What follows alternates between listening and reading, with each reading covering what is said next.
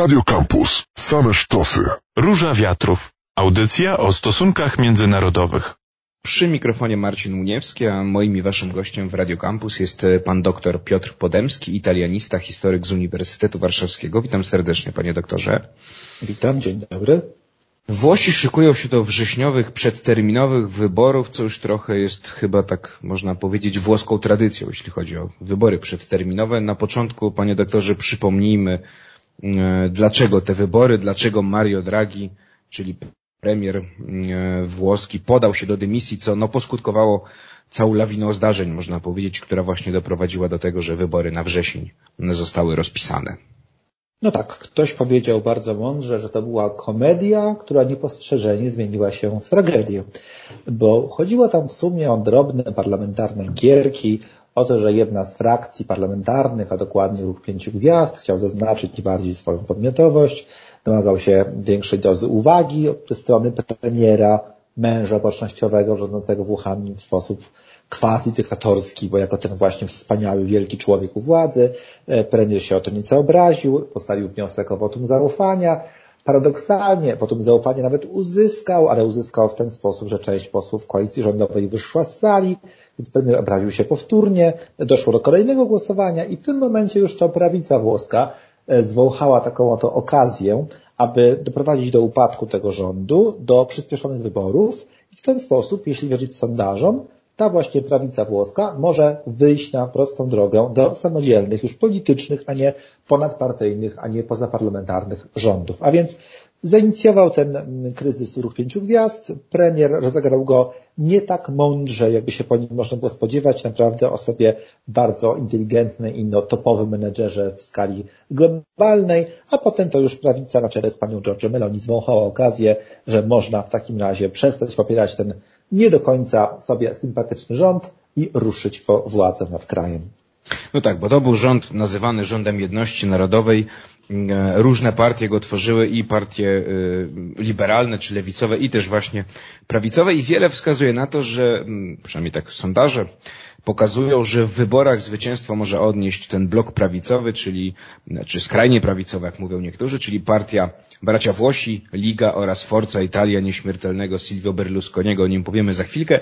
Jeśli tak się stanie, no to pierwszy raz w historii Włoch premierem zostanie kobieta i to będzie wspomniana przez pana Giorgia Meloni. To przypomnijmy krótko, panie doktorze, kim jest e, ta pani, bo o niej już też w Róży Wiatrów kilkakrotnie rozmawialiśmy, bo ona się na scenie włoskiej e, pojawiła no już jakiś czas temu e, i odgrywała różną rolę na, na, na, na niej, na jej, wpływała na jej kształt. Jakie ona ma poglądy? Bo one wydaje się trochę wyewoluowały, przynajmniej jeśli chodzi o deklarację, trochę złagodziła retorykę. Przynajmniej przed wyborami pewnie. Tak jest. Tak, Giorgia Meloni to rzeczywiście postać, która na włoskiej scenie politycznej jest obecna od lat 90. Zaczynała jako aktywistka, bardzo aktywna właśnie aktywistka e, ruchu postfaszystowskiego, a więc na początku jeszcze tego ruchu rzeczywiście postfaszystowskiego, później już lekko przypudrowanego, jak to dzisiaj się mówi. I te jej zmiany poglądów, to jej łagodzenie poglądów tak naprawdę niczym innym nie jest, jak tylko odwzorowaniem tego, jakim przemianom ulegał cały ten ruch dawniej postfaszystowski, który to właśnie w latach 90. podjął taką strategiczną decyzję, by przestać epatować faszyzmem, Mussolinim, czarnymi koszulami i salutem rzymskim, bo to jest przepis na pozostanie taką partyjką dość niszową i radykalnie prawicową, a trzeba w zamian się przepoczwarzyć w partię owszem prawicową, narodową, konserwatywną, e, bogojczyźnianą, bo na tym można zbić większy kapitał polityczny. Faszyzm już bardziej straszy niż przyciąga zwolenników. I jakoż te, ta partia, ten ruch, taki manewr właśnie przeprowadził, taki rebranding można powiedzieć, to takim samym przemianom uległy poglądy Giorgi Meloni. Dzisiaj więc niektórzy straszą, że jest to po prostu postfaszystka i tyle, bo do takiego ruchu się zapisała jako młoda nastoletnia osoba i w nim do dziś wytrwała, a jej najbliżsi współpracownicy, tak jak ona, rekrutują się z tamtych czasów i z tamtego ruchu, więc są to ludzie zaciągnięci kiedyś właśnie do postfaszystowskich formacji, e, a ktoś inny mówi, że były to błędy młodości, że właśnie te poglądy się zmieniły, złagodniały i tak dalej. No tutaj trwa pewna gra psychologiczna, bo im bardziej lewicy uda się zohydzić George Meloni jako no de facto niemal faszystkę, chociaż to nadużycie, to tym bardziej liczy lewica na to, że to zniechęci wyborców do oddawania na nią głosów w najbliższych wyborach, a z kolei im bardziej prawicy i samej Georgii Meloni uda się jakoś tak z, ograniczyć szkodliwość tej jej młodości postfaszystowskiej, o tyle może liczyć na wyborcę centrowego, który jak wiadomo daje zwycięstwo w wyborach, bo samymi głosami prawdziwych postfaszystów tych wyborów wygrać się nie da. No niestety jednak wyciekają co chwilę jakieś nowe nagrania, których szukają pieczołowicie dziennikarze i lewicowi aktywiści e, i różne tam e, mało przyjemnie pachnące sprawy się za Giorgio Meloni ciągną, to znaczy na przykład e, przedwczoraj właśnie chyba okazało się nagranie, w którym ona w języku francuskim, bo była to wypowiedź dla francuskiej dziennikarki, chwali Mussoliniego jako największego męża stanu w, ostatnich, w ciągu ostatnich 50 lat we Włoszech. Czyli te sympatie profaszystowskie no, były w każdym razie jej udziałem z całą pewnością, a jest kwestią sporną i to już każdy wyborca włoski czy każdy obserwator musi sam sobie na to pytanie odpowiedzieć, czy są to e, sympatie dziś tylko skrywane taktycznie po to, żeby móc naprawdę pójść do władzy z tej oślej ławki postfaszystów, żeby z niej się wyrwać z tego getta postfaszystowskiego, czy też to jest po prostu tak, że Giorgia Meloni naprawdę zmądrzała, zmieniła zdanie i dziś już postfaszystką nazywać jej nie wypada. A jak, panie doktorze, proszę powiedzieć, jej stosunek do um, wojny w Ukrainie i do Rosji w kontekście wojny w Ukrainie, no bo um, długo zarzucano partiom, e, szczególnie partii e, Liga Północna, teraz nazywająca się Liga, e, no że partie sprzyjające Władimirowi Putinowi, czy nawet pobierające pieniądze też od Władimira Putina, od, od, Rosji na różne sposoby. Mm, no to słynne zdjęcie chociażby Mato Salviniego w koszulce z Władimirem Putinem, które już obiegło świat cztery razy i wszystkie media i też zostało przypomniane po wybuchu tej, tej inwazji rosyjskiej lutowej, tej najnowszej odsłony wojny. Jak u Georgii Meloni to wygląda? Bo ona wydaje się, że jednak się zdystansowała, prawda, jeśli chodzi o, skrytykowała w ogóle Rosję, jeśli chodzi o działania w Ukrainie.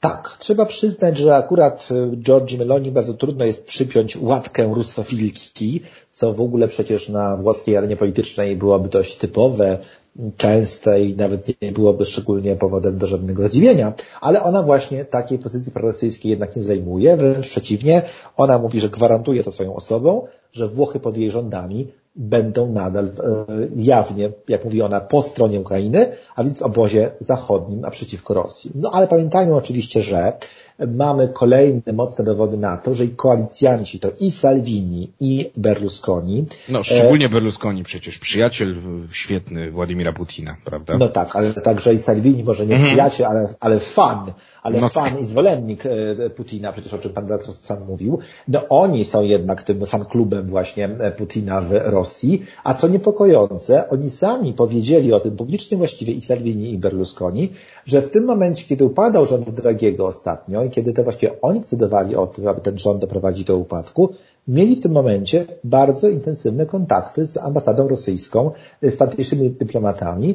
Berlusconi wyraził się nawet w ten sposób, że ambasador rosyjski wytłumaczył mu dokładnie, dlaczego wybuchła wojna na Ukrainie i on już teraz to rozumie i jak gdyby podziela rosyjski punkt widzenia. A więc to jest albo naiwność, albo właśnie nie naiwność, ale w każdym razie bez żenady nijakiej dwaj koalicjanci Giorgi Meloni mówili o tym, że rosyjski punkt widzenia był im wykładany, wyjaśniany i że jest im osobiście bardzo bliski. No dalej, nie jest dla nikogo tajemnicą, że upadek rządu Dragiego nie jest na rękę tym, którzy chcą widzieć jedność Zachodu przeciwko Rosji, którzy chcą, żeby Włochy były partnerem wiarygodnym, poważnym na arenie europejskiej czy euroatlantyckiej, a więc niektórzy mówią nawet, że więcej za tym się kryje. To nie tylko jest kwestia jakichś tam nieformalnych pogaduszek Berlusconiego z rosyjskimi dyplomatami, ale że po prostu za upadkiem rządu Dragiego stały jakieś tam rosyjskie naciski via co najmniej Salvini, jeśli też nie Berlusconi, czyli za ich pośrednictwem, to zostało właściwie ich rękoma przeprowadzone. E, Dmitrij Niedwiediew, Niedwiediew e, dość słynnie tam wtedy tweetował, że jeden rząd już poleciał, myślał o Borysie Johnsonie, rządzie brytyjskim, drugi rząd właśnie leci, Dragiego, zobaczymy kto będzie kolejny. Więc Rosjanie też jak gdyby nieopatrznie trochę się pochwalili, czasem się chwalą, wiemy na wyrost, tym, że to jest trochę ich robota i że właśnie wkładają kij w szprychy tej maszyny europejskiej czy euroatlantyckiej solidarności. No to jest wątek dla nas oczywiście bardzo niepokojący, choć nie tyle w kontekście samej Giorgi Meloni, a raczej jej sojuszników Salviniego i Berlusconiego. Meloni. Trochę już Pan o tym powiedział, Panie doktorze, w kontekście mm, tych prorosyjskich sympatii, ale jeszcze Pana dopytam, co tam słychać u, właśnie u, u Ligi Matteo Salviniego i u Silvio Berlusconiego, który ostatnio w rozmowie Politico przyznał, że rwie go, pociągnie go z powrotem do wielkich czynów na włoskiej scenie politycznej, myśli może o Senacie. Przypomnijmy, e, wieloletni premier Włoch, 85-letni polityk, skandale ciągną się za nim. Nie mielibyśmy czasu ich tu teraz wszystkich wymieniać, no ale, ale powiedział, że jest gotowy. Czy tutaj nastąpił jakiś rebranding też e, e, może poglądów przed wyborami, panie doktorze, czy jednak to są ci bardziej tacy jastrzębie, szczególnie Salvini, jeśli chodzi o poglądy? Jeśli chodzi o Salviniego, to jest to postać już nieco tragiczna, dlatego że on e, kilka lat temu, powiem nieco egotycznie, on tak samo jak i ja i wielu innych e, komentatorów uwierzył w to, że jest nowym Duce Włoch, że oto zmierza po władzę, że będzie tym szeryfem, tym kapitanem i że będzie włoskiej polityce rozdawał karty. Tak się bowiem wydawało, że to Salvini, tam żadna pani Meloni, będzie prowadził prawicę do zwycięstwa.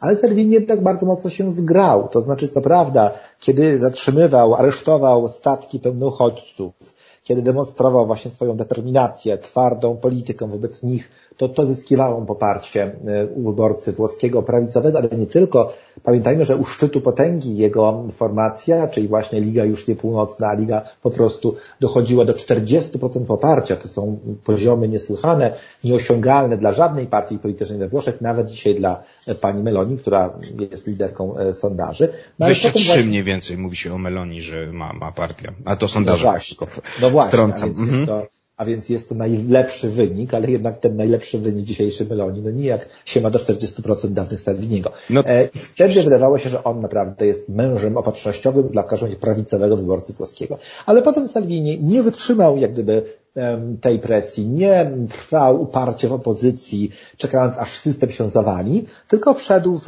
serię taktycznych właśnie e, koalicji, e, usiłował współrządzić z ruchem pięciu gwiazd, czyli z populistami no, bardziej lewicowymi niż prawicowymi. E, no i wtedy niestety jego czar szybko prysł, dlatego że okazało się, że dość łatwo jest krzyczeć na wiecach, nawet wykonywać pewne gesty właśnie dramatyczne, typu zatrzymywać statki przed, przed, przed włoskimi portami, nie wpuszczać ich na włoskie wody terytorialne, ale niestety od tych igrzysk chleba wcale nie przybywa, a problemy realne Włoch to są problemy klimatyczne, o czym Włosi mówią, to pokazują sondaże ostatnie, gospodarcze przede wszystkim, bezrobocie, brak perspektyw, strukturalne kłopoty ekonomiczne właśnie.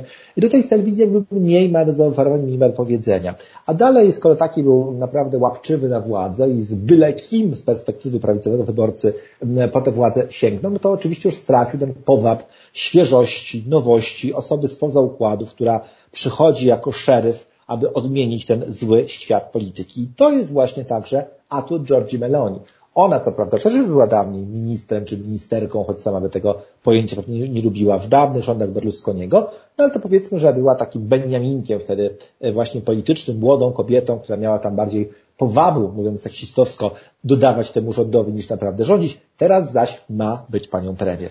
Co zaś do Berlusconiego, to tutaj też pewien rebranding owszem ma miejsce. Otóż no Berlusconi wiadomo, że był kiedyś takim kabareciarzem, żartownisiem, trefnisiem, błaznem europejskim, e, który się niepochlebnie wyrażał osobiście o kanclerz Angeli Merkel, że tam przytyki także seksistowskie wobec niej stosując e, w ogóle rozmaite publiczne gesty wykonywał no bardzo obsceniczne, już nie chcę w szczegóły w tej chwili wchodzić. A teraz Berlusconi to z rzadka, bo on występuje już w sposób dość ograniczony, to jest rocznik 36. No tak, względy zdrowotne występował ostatnio raczej właśnie przez, yy, przez internet, tak, przez E, Dokładnie tak. Zresztą Mark sobie trochę autoironii. W jednym z ostatnich nagrań internetowych właśnie zakończył swoje wystąpienie słowami i dlatego musicie głosować na partię komunistyczną. Och, och, pomyliłem się i tak dalej. Ponieważ jego przeciwnicy oskarżają go o to, że już nie wie kompletnie co mówi, mm -hmm. to usiłował to właśnie zagrać, pokazać, że jednak wie co mówi, a to są tylko żarty,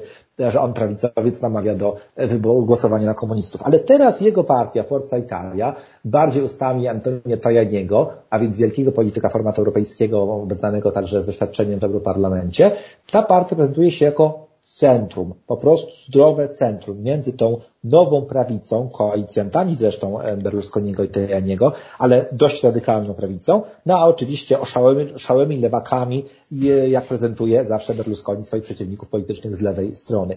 A więc próbuje w ten sposób Berlusconi być tym mężem stanu, tym dziadkiem narodu, grzecznym, statecznym, który gwarantuje tylko on kurs proeuropejski, kurs wiarygodny dla jego dawnych partnerów, może nie przyjaciół europejskich, którzy go znają i wiedzą, że dziadek Silvio to jednak chce dla Italii dobrze i tej Italii widzi w Europie. To nie do końca przekonuje jednak wyborców. Berlusconi jest ewidentnie najsłabszym ogniwem tej koalicji prawicowej. Może marzyć o poparciu rzędu 8, może 10%, ale w każdym razie to jest jego własny wkład w ten sukces rysujący się prawicowej koalicji. Nie omawiając każdej partii poszczególnie, bo nie mamy czasu, ale czy właśnie powstają jakieś koalicje, panie, e, panie doktorze, po tej stronie e, lewej czy liberalnej? Czy jednak e, Partia Demokratyczna, ta największa partia, sama będzie startowała w tych wyborach? Tak, lewica wygląda, mówiąc krótko, rozpaczliwie. Wzbudza po prostu rozpacz obserwatorów, ponieważ wszystko robi, żeby tylko oddać władzę koalicji centroprawicowej w postaci Meroni, Salvini, Berlusconi. Dlaczego? Do niedawna było we Włoszech tak, że były powiedzmy trzy bieguny. Właśnie już przez nas dość dobrze omówiona centroprawica, inteligencka, wielkomiejska centrolewica, no i ten populistyczny ruch pięciu gwiazd, który się różnie tam zachowywał, nie był do końca przewidywalny, ale był tym trzecim biegunem właśnie. Teraz jednak jest tak, że ruch pięciu gwiazd wyraźnie traci na znaczeniu, już w tym momencie schodzi poniżej poziomu 10% poparcia, więc nie, nie jest już taką partią naprawdę pierwszoplanową. E, I wydawałoby się, że kiedy sumować poszczególne partie polityczne w sondażach, to właściwie ta centroprawica zyskuje 40 kilka procent głosów, ale i cała reszta z tego wynika matematycznie ma około 50%. Więc gdyby ta cała lewica, włącznie z ruchem pięciu gwiazd, ostatnio, który się zbliża do lewicy, a oddala od prawicy, gdyby oni wszyscy poszli do wyborów razem, to byłoby to starcie dwóch równoprawnych ugrupowań, dwóch równoprawnych koalicji, dwóch porównywalnych wojsk.